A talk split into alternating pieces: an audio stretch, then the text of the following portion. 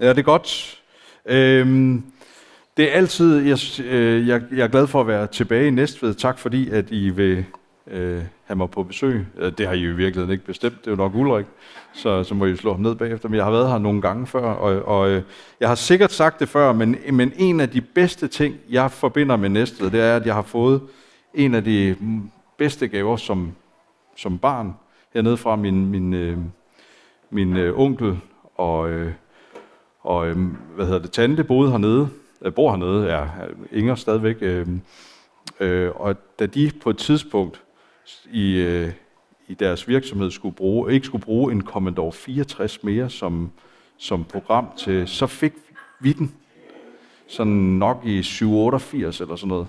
Er der nogen, der ved, hvad en Commodore 64 er?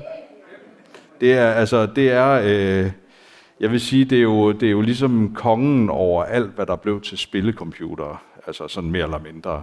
Øh, det var en stor ting dengang, og øh, så, så hver gang jeg kører til Næstved, så tænker jeg, at Næstved, det er jo en, det er en by, der flyder over med velsignelser. Så tak fordi jeg må være med hernede. Jeg har taget Thomas med fra, fra Holbæk, som jeg har været venner med i mange, mange år efterhånden. Øh, ja, må ikke det er 30 år eller sådan noget, eller mere måske. Det er siden 90, så det er jo over 30 år. Så, øh, øh, og Thomas, han har en, øh, i min verden, så er han et af de mennesker, jeg kender, som, som har arbejdet med det med tilgivelse på en måde, der har gjort, at han, han har fået nåden til at kunne tilgive. Jeg ved ikke, om det findes som nådegave, det står der ikke, men der er nogle lister, der er meget lange. Og jeg vil bare sige, at hvis der er nogen, der kæmper med det her med at kunne tilgive nogen, der har gjort en noget ondt, så øh, kan det være, at man lige kunne benytte anledning til at lade Thomas bede mere. Øh, det skader i hvert fald ikke, vil jeg sige. Og, øh, og, og Thomas, Thomas har sagt ja til at ville gøre det. Jeg vil også godt være med til at bede øh, bagefter, hvis det er. Øh, jeg er ikke lige så god til at tilgive, som han er. Han har, jeg har ikke den samme noget, så, så det kan være, at I skal bede om noget andet. Dårlig humor eller sådan noget, hvis det er, hvis det, er det, I, I eftertragter. Nå, øh, for noget tid siden, så havde jeg øh, øh, en form for mareridt. Og det er faktisk sådan en tilbagevendende ting, som, øh, som og det, jeg siger det ikke, fordi at nu tænker jeg, at jeg vil kalde drømmetyderne frem i jer, og I skal komme og analysere på det bagefter. Men jeg vil lige nævne det, fordi det er en god indledning. Det er ikke sådan meget skræmmende eller sørgeligt, men et mareridt, som handlede om, øh, at jeg ikke kunne finde mine bukser.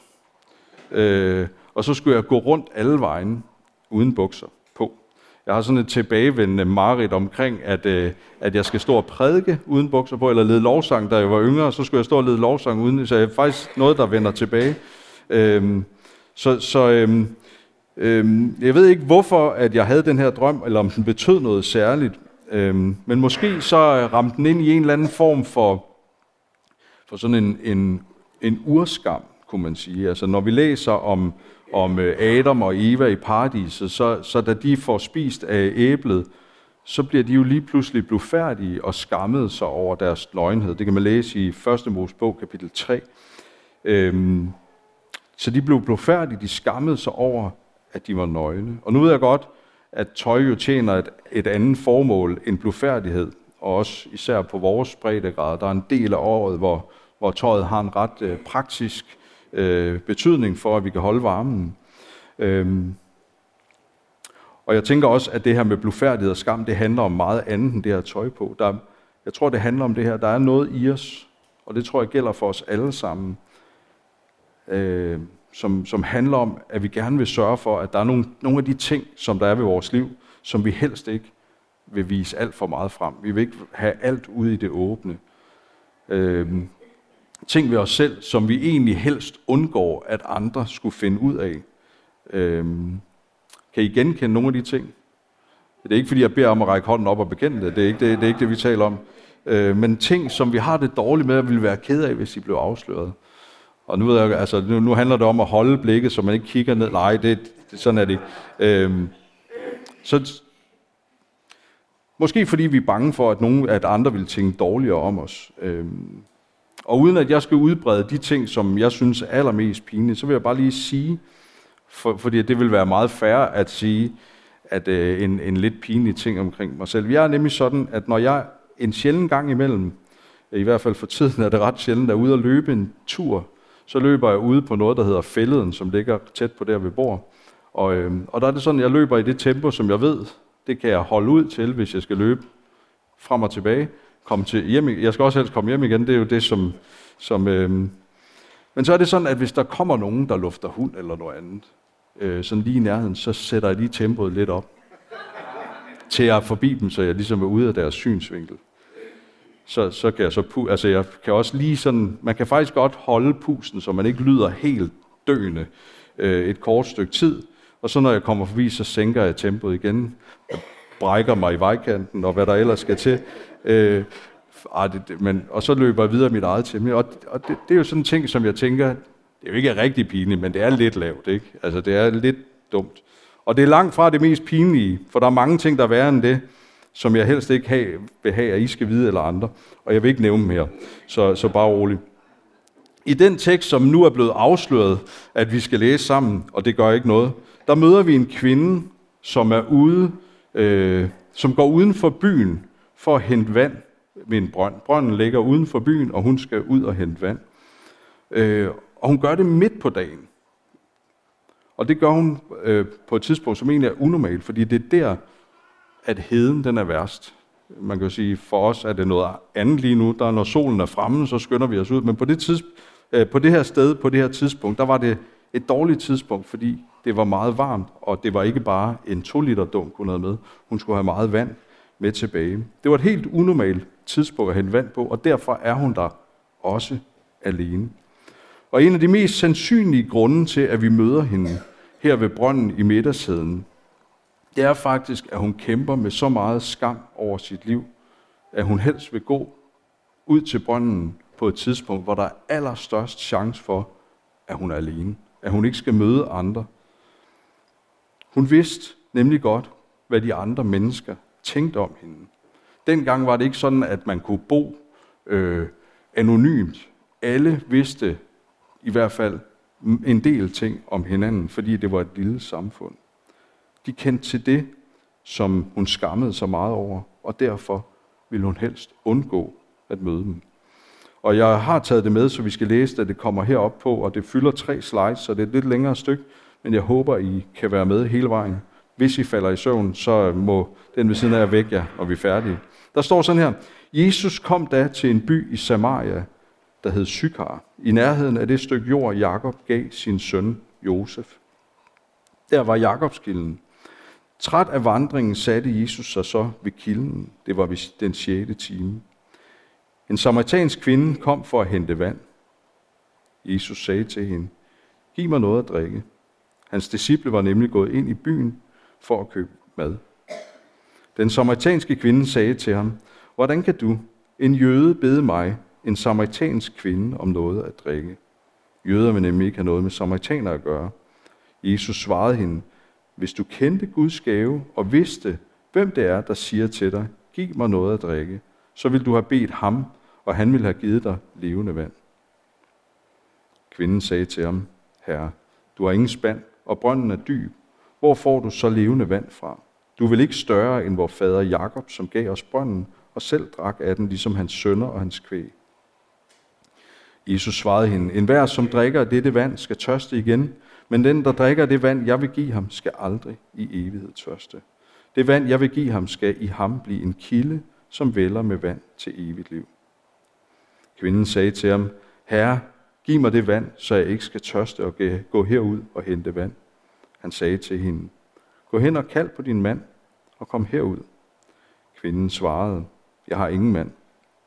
Jesus sagde til hende, du har ret, når du siger, jeg har ingen mand, for du har haft fem mænd, og den du har nu, er ikke din mand. Der sagde du noget sandt. Kvinden sagde til ham, Herre, jeg ser, at du er en profet, hvor fædre har tilbedt Gud på dette bjerg, men I siger, at stedet, hvor man skal tilbede ham, er i Jerusalem. Jesus sagde til hende, tro mig kvinde, der kommer en time, da det hverken er på dette bjerg eller i Jerusalem, I skal tilbede faderen. I tilbeder det, I kender, vi tilbeder I tilbeder det, I ikke kender, vi tilbeder det, vi kender, for frelsen kommer fra jøderne. Men der kommer en time, ja den er nu, da de sande tilbedere skal tilbede faderen i ånd og sandhed. For det er sådanne tilbedere faderen vil have. Gud er ånd, og de som tilbeder ham skal tilbede i ånd og sandhed. Kvinden sagde til ham, jeg ved, at Messias skal komme, det vil sige Kristus. Når han kommer, vil han fortælle os alt. Jesus sagde til hende, det er mig. den, der taler til dig. Jeg ved godt, at det er et lidt længere stykke. Jeg kan godt lide Bibelen. Det er måske en faglig skade. Jeg ved det ikke. Jeg har været præst et stykke tid. Øh, men man kan faktisk med fordel læse endnu videre, for det er en spændende beretning her i Johannes evangeliet. Det er bare ikke så vigtigt i forhold til det, jeg lige vil tage frem. Så kvinden, som vi møder her, hun kommer ud til brønden. Og hun, da hun kommer ud til brønden, så tænker jeg, at hun ærger sig over, at hun kan se, at der sidder en derude. Nu havde hun jo netop valgt at tage det, det, det dårlige tidspunkt, hvor det var varmt, for at være alene. Og måske når hun kommer lidt tættere på, så opdager hun, at det heldigvis er en fremmed, og det er en mand, og det ligner en jøde, så tænker hun, han siger nok ikke noget. Fordi at samaritaner og jøder, de snakkede slet ikke sammen. Mænd og kvinder, det var også lidt svært. Og så når det var begge dele, så var det ret sikkert, ikke? Det gør han jo så alligevel, fordi det er jo Jesus, og han gør jo sjældent det, som man lige forventer. Og deres samtale, læser vi, den udvikler sig til en, at handle om liv og om tro, og om, om hvad der er op og ned.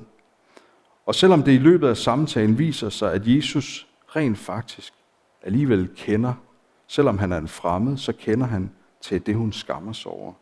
Hun kender til, han kender til det her med, at hun har haft fem mænd, og nu lever sammen med en mand, som hun ikke er gift med. Så møder hun ingen fordømmelse hos Jesus. Faktisk så tilbyder Jesus hende muligheden for at bede om levende vand hos ham. Selvom han kender alle de ting, som hun skammer sig over. Selvom han kender de ting, som hun ikke ønsker, at nogen skal vide. Og her kan det måske lige siges, at det kan være, at der er nogen, der tænker, hvordan kan det være, at hun skammer sig så meget over at have fem mænd, og nu lever sammen med en, som hun ikke er gift med. At skulle det være særligt skamfuldt, så er det jo, man kunne sige, at det er da værre at være sådan en type, der løber hurtigere for et syns skyld, når man møder mennesker. Ikke? Der skal vi bare lige huske, at vi er 2000 år tilbage i Mellemøsten, hvor kvinderne de ikke havde mulighed for at sørge for sig selv uden en mand. Og hvor det at have haft mange mænd helt sikkert var fordi, at hun ikke var, havde klaret sig særlig godt med at være hustru. Og efter datidens normer, normer, der var det sådan, som kvinde, der var det det at lykkedes som menneske, hang næsten uløseligt sammen med at lykkedes som hustru. Det er ikke sikkert, hun har kunne få børn, hvilket var en meget vigtig ting. Det kan også være, at hun har været elendig til at lave mad. Det kan være, at hun har været upassende i hendes humor eller i hendes kontakt til andre mænd. Det læser vi ikke. Men hun har i hvert fald været så meget en dårlig hustru, at der var fem mænd, som havde været gift med hende og var blevet skilt igen. Og det med, øh, det med at blive skilt, det er noget helt andet i dag. Ikke at det er nemt eller let, men man er helt anderledes stille i dag. Både som mand, men især som kvinde. Så hende her, vi læser om, hun var i en forfærdelig situation. Hun var blevet forkastet af fem mænd, som havde regnet hende som en udulig hustru. Og det havde nok kostet dem penge. Formentlig var det sådan, at man havde betalt en medgift, så kvinden havde noget, som hun var nødt til at beholde. Hun fik lov at beholde for at kunne klare sig, når, når manden skældte sig fra hende. Så det har ikke været gratis. Det, det, var, ikke, det, det, var, det var noget, der havde kostet noget. Alligevel havde hun været så dårlig en hustru, at fem mænd havde forkastet hende. Og det vidste alle i landsbyen. Og derfor var der ikke nogen, der regnede hende for noget af værdi. Når fem mænd ikke kunne bruge hende, så har hun nok helt ned i bunden.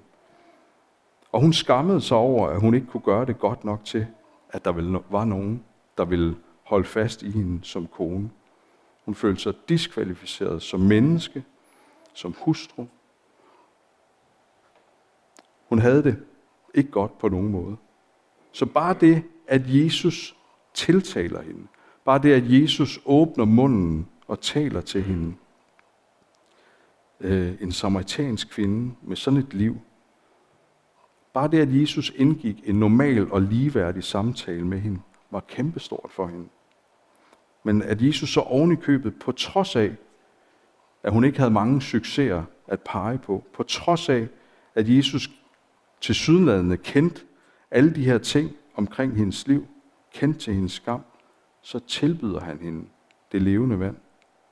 Og han fortæller faktisk også, hvem han virkelig er. Og hvis man læser sådan i evangelierne, så er det jo ikke alle, Jesus han går rundt og tilbyder levende vand i tid og utid. Det er heller ikke alle, han åbenbarer sig, fortæller det er mig. Han giver hende noget helt særligt, selvom han kender til alt det, der er i hendes liv. Det, hun skammer sig over. Og det vender op og ned på alt i hendes liv. Det kan man læse videre. Det kan man læse om, hvis man læser videre. Hendes liv bliver forvandlet i mødet med Jesus. Ligesom alle vores liv bliver forvandlet i mødet med Jesus. Det gælder for os alle sammen. Og det, der er særlig interessant i det her, det er, at Jesus han møder hende med samme omsorg, samme kærlighed, samme frelse, samme indbydelse til at få det levende vand, samme indbydelse til at blive et Guds barn, selvom han afslører hende. Selvom han kan fortælle, at han kender til alt det, hun skammer sig over. Han kender til det, der gør, at hun føler sig diskvalificeret i livet. Og at det netop er der, der hvor hun ikke kan skjule sig, der hvor hun ikke gemmer de skamfulde ting væk, der hvor hun står uden bukser på for at blive mit billede, det er der, at relationen med Jesus, den opstår. Det er der, Jesus kommer helt tæt på. Det er der, forvandlingen sker. Og det, der er helt fantastisk ved det her, det er, at det gælder jo ikke kun for den her kvinde ved Sykars brønd. Det gælder for os alle sammen. Ligegyldigt hvad det er, vi skammer os over i livet. Ligegyldigt hvad det er, vi ikke er så stolte af. Det, som vi vil prøve for alt i verden at skjule, for, så andre ikke ved det. Det, der gør, at vi føler os mindre gode. Det, der måske gør, at vi en gang imellem føler os diskvalificeret. Det kender Jesus godt til. Og han behandler os ikke anderledes af den grund. Tværtimod, kunne man nærmest sige. For det er netop der, hvor vi lader os afsløre af Jesus. Også de ting, som vi virkelig ikke ønsker, skal afsløres. Det er der, at relationen med Jesus, den opstår og den vokser. For han møder os altid med den samme nåde og kærlighed. Og når vi mødes med Kristus, så går vi forvandlet fra det møde. Og det handler ikke om, at Jesus han er uinteresseret i at hjælpe os med de ting, som vi ønsker at holde skjult. Jesus er ikke øh, uinteresseret i, hvis vi kæmper med forkastelse, hvis vi har mindre at være, eller skammer os over ting. Jesus han ønsker at hjælpe hende, og hun ønsker at hjælpe os med alle de her ting i livet. Der er ikke noget, der er uinteressant for ham. Der er ikke noget, som Gud han ikke ønsker at hjælpe os med. Han begynder bare et andet sted. Og det galt for kvinden ved Sykars brønd, og det gælder også for os. Han begynder der, hvor vi forstår, at vi kan komme til ham, uden at være blufærdige. Vi kan komme uden, at vi skal lade skammen over ting i vores liv gøre, at vi begynder at skjule os. At selv hvis vi skulle føle os udulige, eller hvis vi oplever, at andre giver os en følelse af at være diskvalificeret som menneske, så kan vi alligevel komme til Jesus. Han vil, at vi skal komme helt, som vi er. Helt nøgne, uden paraderne op.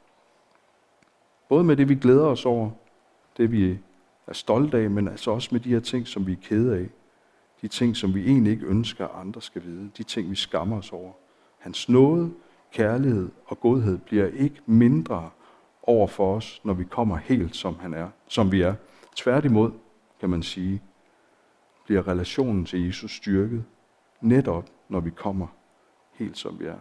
Måske er det faktisk sådan, at relationen med Jesus slet ikke opstår, uden at vi kommer helt som vi er. Man kan i hvert fald sige, at Gud han er jo ikke kun interesseret i vores pæne, polerede overflade. Han er ikke interesseret i at kende vores Instagram-jeg, hvor vi har lagt alle de billeder ud, som vi måske har lagt et filter på. Alle de gode billeder fra de gode ting i livet. Gud han længes efter vores hele og virkelige selv. Også det, vi skammer os over.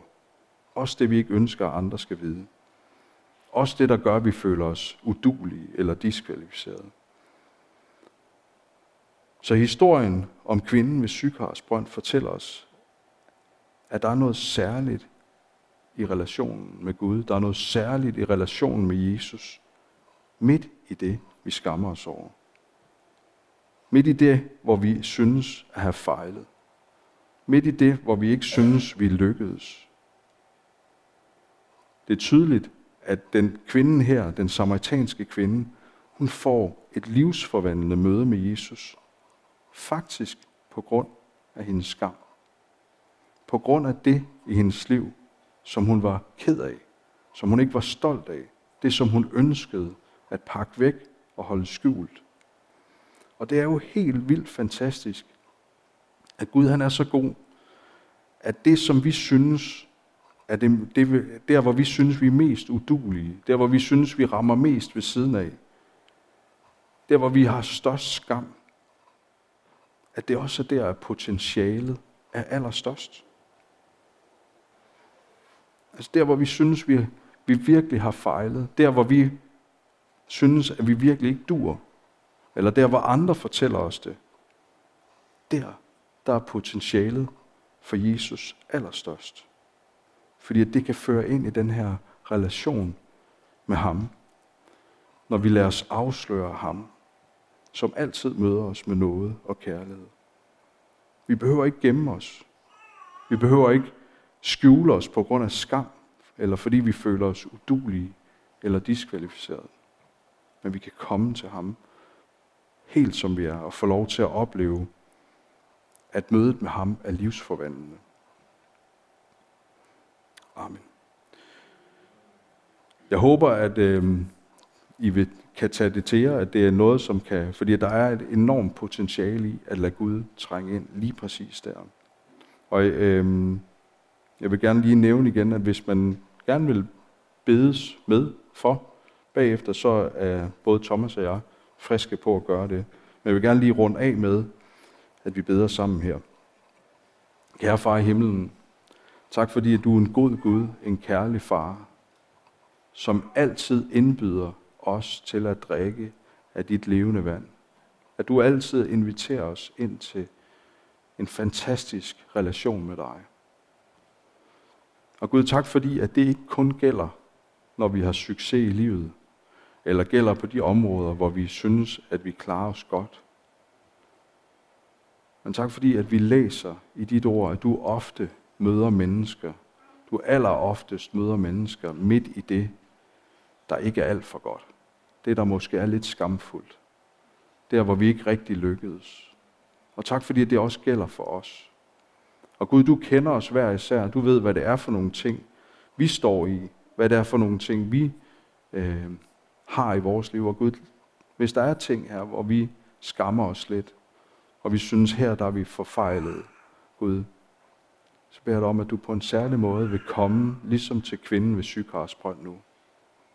Indbyder os til at drikke af dit levende vand. Gud, hjælp os til ikke at sætte paraderne op over for dig, men til at bringe det hele frem for dig. Så vi kan få lov til at fordele den levende, fantastiske relation med dig, som du ønsker for hver en af os. Gud, det beder om, at vi alle må gribe, og vi må holde fast i, i det liv, som vi lever. I Jesu navn. Amen.